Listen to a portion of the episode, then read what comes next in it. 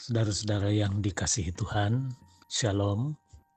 Kita bertemu lagi dalam perenungan firman Tuhan pada hari ini, Jumat 12 Juni 2020. Tema renungan kita adalah menjadi kesatria iman. Bacaan kita diambil dari 1 Timotius 6 ayat 11 sampai 16 saya tidak akan membaca seluruh bagian ini tetapi hanya membacakan nas kita saja di ayatnya yang ke-12. Di sana dituliskan, Bertandinglah dalam pertandingan iman yang benar dan rebutlah hidup yang kekal. Untuk itulah engkau telah dipanggil dan telah engkau ikrarkan ikrar yang benar di depan banyak saksi. Saudara-saudara, kita mungkin pernah mendengar kisah Raja Arthur, seorang raja yang pandai berperang dan penuh keberanian dalam menegakkan keadilan dan kebenaran. Ia juga setia melindungi kerajaannya, Camelot, dari serangan musuh. Di dalam kisah Raja Arthur, juga diceritakan tentang legenda meja bundar, tempat para ksatria terpilih berkumpul untuk membicarakan masalah-masalah kenegaraan. Para ksatria yang terpilih adalah orang-orang hebat dalam berperang dan punya jiwa nasionalisme yang tinggi mereka berjanji setia melindungi kerajaan, bahkan dengan taruhan nyawa sekalipun. Saudara-saudara, Rasul Paulus juga menggambarkan orang-orang Kristen sebagai kesatria-kesatria yang dipilih dan dipanggil untuk menjadi saksi-saksi Kristus. Ketika seorang berikrar menjadi seorang anak Tuhan, ia diteguhkan dan dimantapkan melalui baptisan kudus dan pengakuan percaya.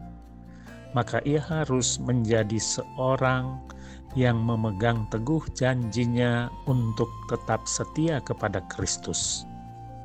Tugas utamanya adalah bertanding dalam pertandingan iman yang benar dan merebut hidup yang kekal ada perjuangan yang harus ditunjukkan oleh seorang percaya yang menyatakan bahwa dirinya sudah diselamatkan oleh Kristus. Penebusan Kristus dengan darahnya yang mahal harus nyata di dalam praktek hidup yang benar seperti dikatakan di ayat 14. Bukan lagi menjadi orang Kristen yang mudah menyerah dengan segala macam pergumulan dan tantangan hidup, tetapi berjuang mati-matian untuk menang atas semuanya itu. Ia juga diminta untuk mengejar keadilan, kesetiaan, kasih, kesabaran, dan kelembutan selama menjalani pertandingan iman.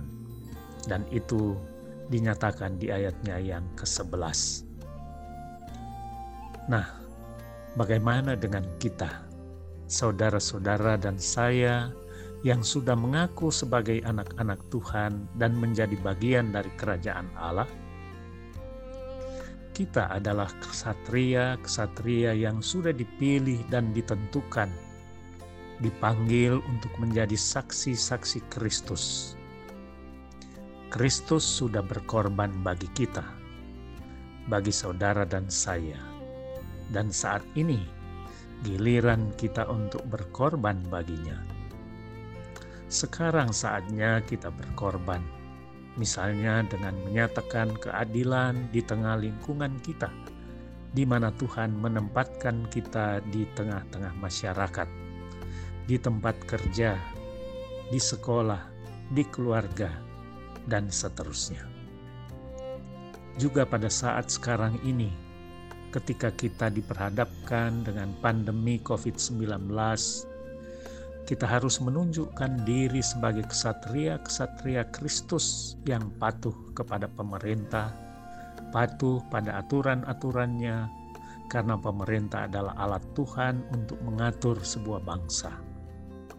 Menjadi kesatria-kesatria Kristus yang bisa melihat ke kiri dan ke kanan di tengah-tengah masyarakat untuk tidak hanya memperjuangkan hidup pribadi, tapi peka terhadap lingkungan sekitar yang mungkin memerlukan uluran tangan dan pengorbanan kita. Terus melakukan perbuatan yang baik sebagai wujud iman kita kepada Tuhan Yesus Kristus.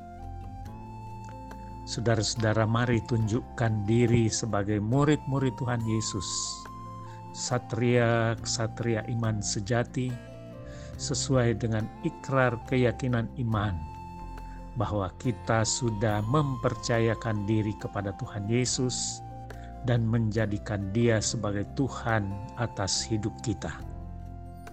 Hendaklah kita setia menjalankan panggilan selama pertandingan iman di tengah dunia ini, hingga pada akhirnya di kekekalan nanti. Amin. Mari kita berdoa.